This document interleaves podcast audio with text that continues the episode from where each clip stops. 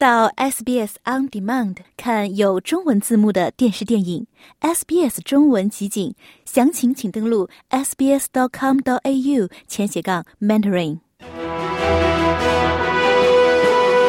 The AUKUS agreement. United States. Israel batters Gaza in equal.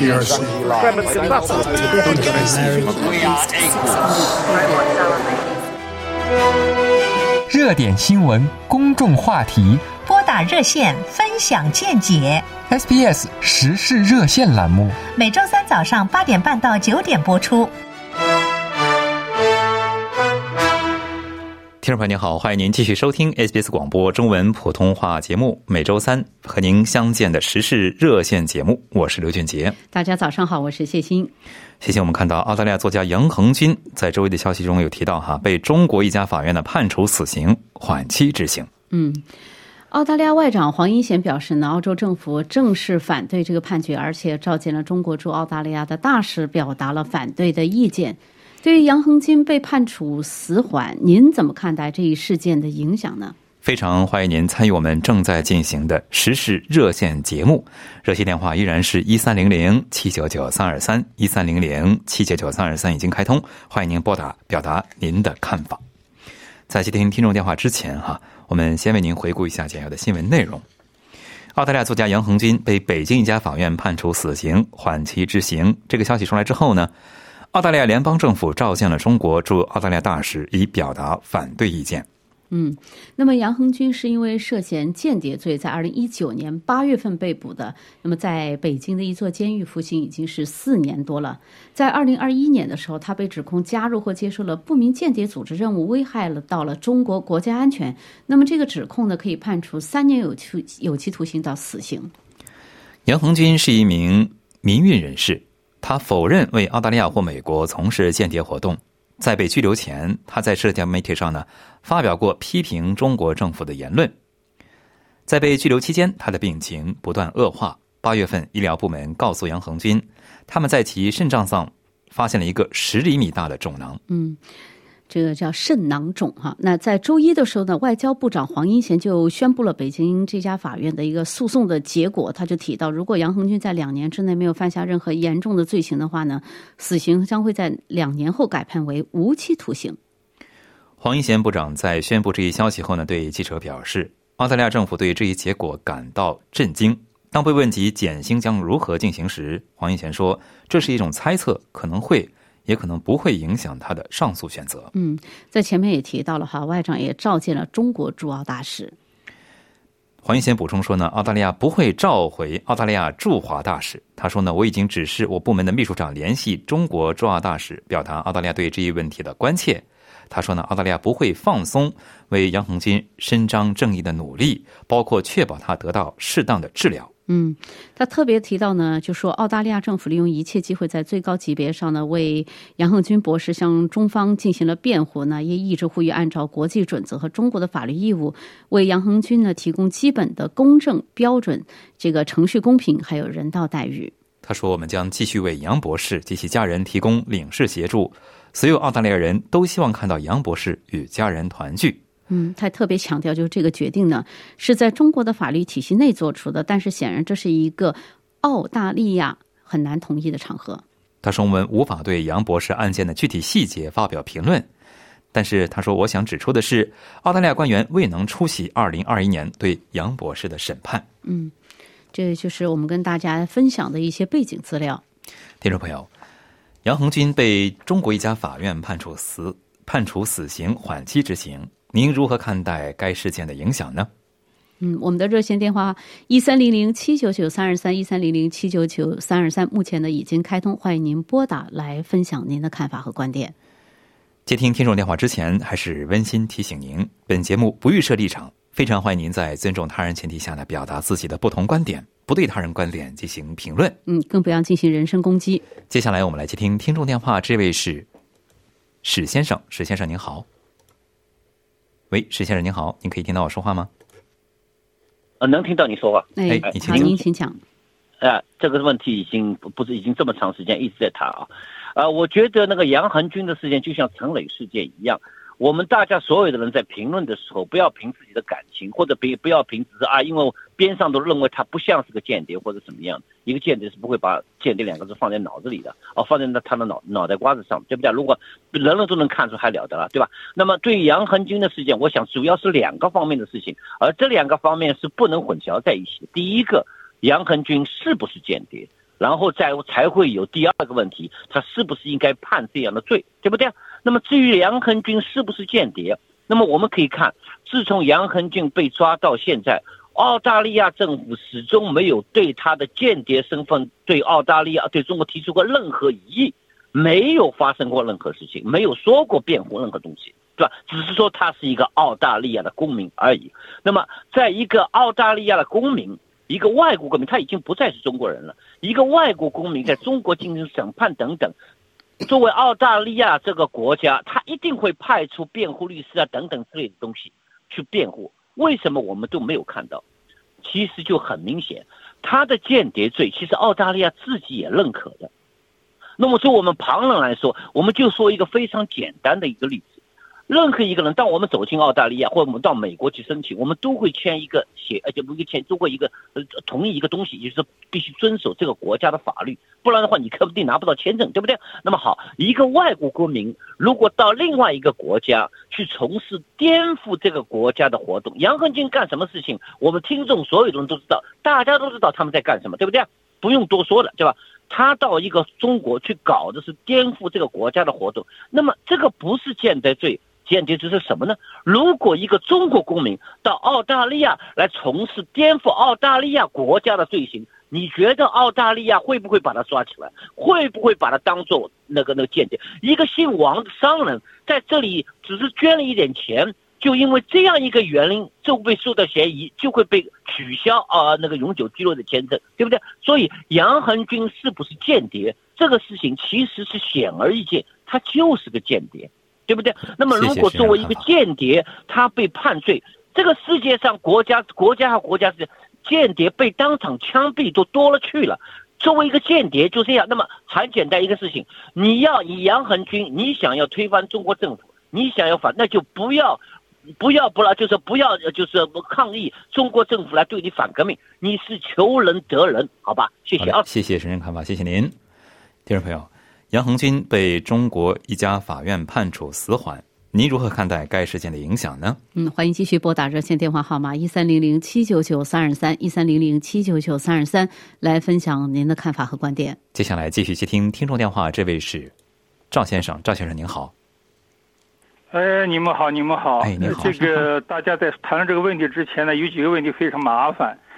呃，说是间谍就应该判罪，但是按照他这个间谍里面判的是三十多年前犯的那个罪，换句话说，在电台上，听众里。有一个算一个，只要脑子正常的就知道，拿了那么多的钱，干了那么大一件事情，还可以跑到国内去。我说这正常吗？这完全不正常。所以说，从这个判决当中呢，我们看不出对杨杨先生的这个判决的真实原因。当然，我们可以有很多猜想，各种喜欢他的人、不喜欢都有很多种猜想。但是我们从这个判决书来得不出合乎合乎逻辑的解释，也没有看到一个公正的这个透明的审判。那么这样子的话呢？他们虽然也有刑法法律，但是跟我们澳大利亚完全是不是一回事。呃，不不像有些这个外交官说我们都有刑法，都是一样，这是完全不一样。另外，在当今的现在的中国，大家都知道判嘛，要是要法院去判的。可是我们大家知不知道，中国的法院是不可以引用宪法条文在法律文件当中来作为引用的，这完全不可以的。不可以，不可以引用这个东西。那么在这种情况之下，在这种情况之下，我们的刑法，我我们澳大利亚怎么跟中国会一样呢？完全不不是像外交官说的那样。哦，前外交官说的是一样，是完全是不一样的。另外，我们有很多惨痛的、血泪斑斑，可以说是血海泪滔的案例，证明了这一点完全是不一样。也就是说，杨先生根本没有得到名副其实的判判例，也没有得到。公正的判决，你说他是间谍，那么我们就算他是间谍，但你给出能说大家的证据和走的程序公正，这完全都看不到。那么在这种情况之下，这种法律系统就不是像我们前外交官讲的什么一般性的落后了，根本不是落后，这纯粹是一种野蛮，谁都受不了。不要说我们海外人受不了，即便是在中国大陆，即便是在体制内的人，对这种方式也忍无可忍，所以才有官不呃官不聊生这么一说。所以，从他们开始八十年代韬光养晦，一直有这么一个一个惯例，就是使用人质外交，抓一个人，完了以后呢，跟某某某某某某谈点什么什么条件。当然，这是这这这这这这是以以往的过过失。现在这种人质外交，我们还不认认同它是个是野蛮的方式。我们还要在这种前提之下，没有基本法律，没有基本公平审判这种前提之下。我们澳大利亚还有一些外交官的前外交官说，我们应该稳保持一种稳定的经贸关系，好像有点经济维稳的味道，让我国的感觉总是这个样子。所以在这种情况之下，我们还认为经济和一个国家的法律政治是是是可以分开的话，那这种想法本身就是对杨先生的不尊重。这样。是是一种为虎作伥，为为谢谢赵先生看法，为为中国的不公开审不公民公公正审判开方便之门，鸣锣开道，这样我坚决反对，坚决反对。谢谢赵先生看法，谢谢您。听众朋友，热线电话依然是一三零零七九九三二三一三零零七九九三二三。嗯，欢迎继续拨打分享自己的看法。接下来继续接听听众电话，这位是曾先生，曾先生您好。哎，大家好，早晨。哎，您好，您请讲。啊，这位先生呢，他的罪案呢没有公开，就是不公平啊。还有，他也不可以有自己的律律师啊啊保护啊。看从从头看到尾，没有看到人家犯法的证据理由，我就不就说一句话。欲加之罪，千年不变。啊，就是这样子。好嘞，谢谢张曾先生的看法，谢谢您。听众朋友，热线电话依然是一三零零七九九三二三。澳大利亚作家杨红军被中国一家法院判处死缓，您如何看待该事件的影响呢？接下来这位听众是邓先生，邓先生您好。哎，你好啊。嗯，你好。哎，我想说的是，这不，这这是一个口袋罪。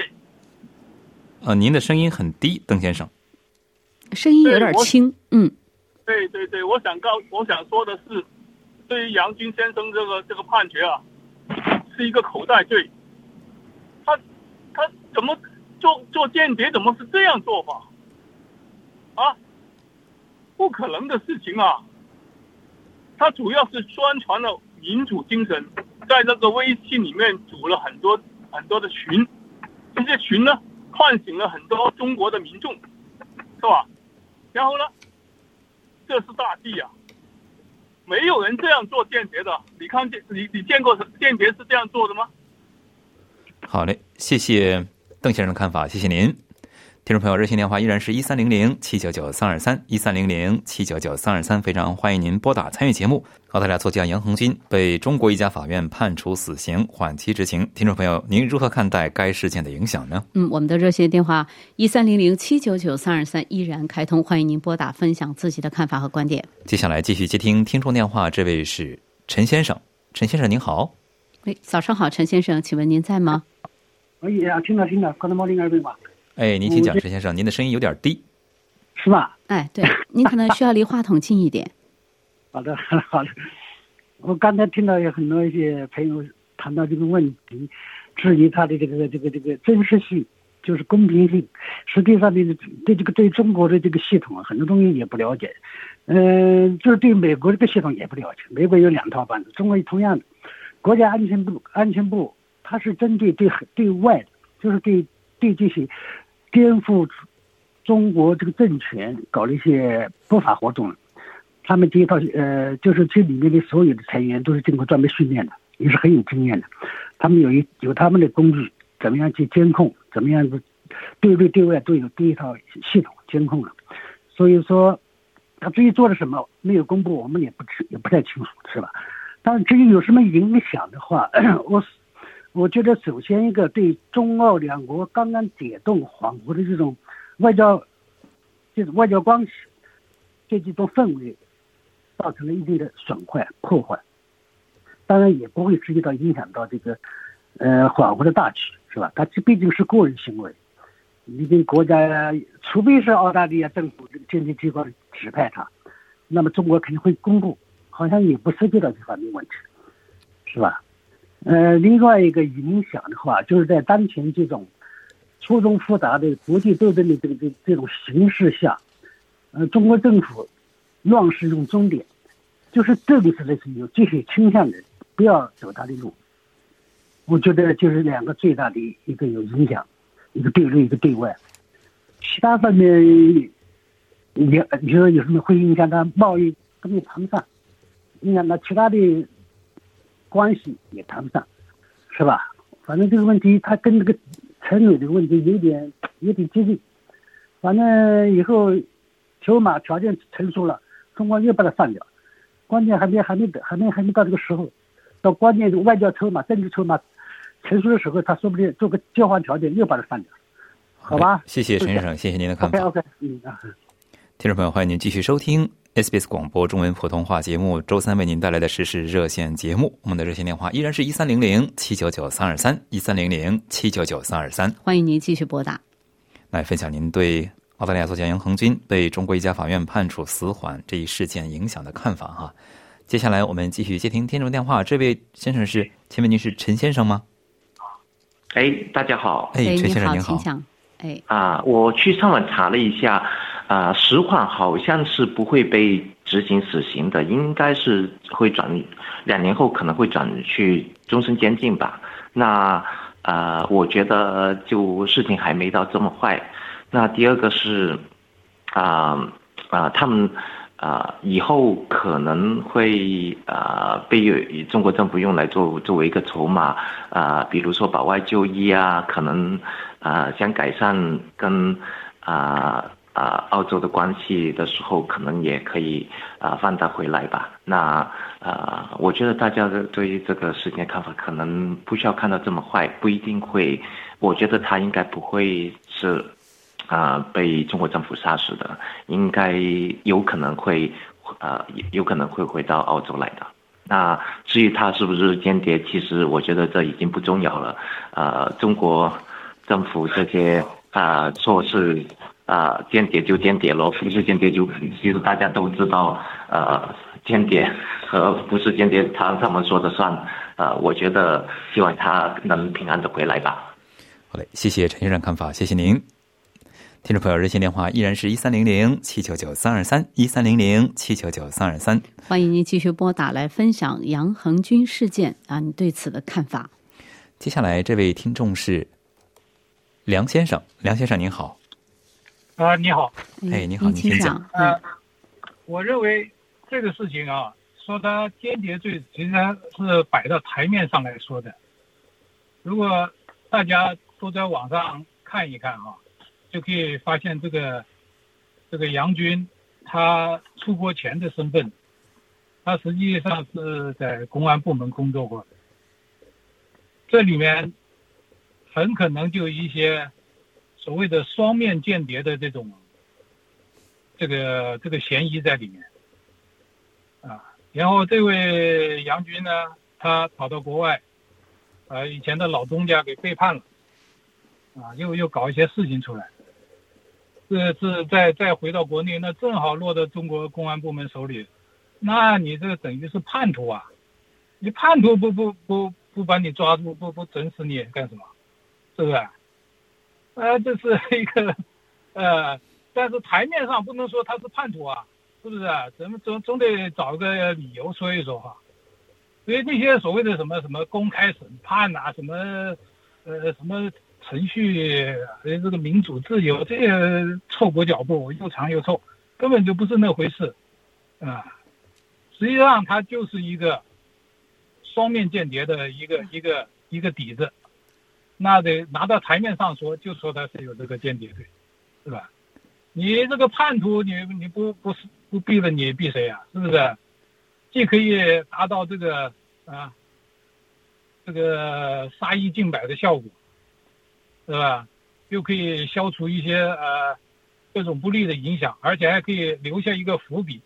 就像刚才那个先生说的哈，以后还可以再给他松松绑啊，做一个条件呐、可以跟这个西方社会进行讨价还价。啊、我觉得这个谢谢连先生中国政府做的这一招非常非常高。好，这是我的意见。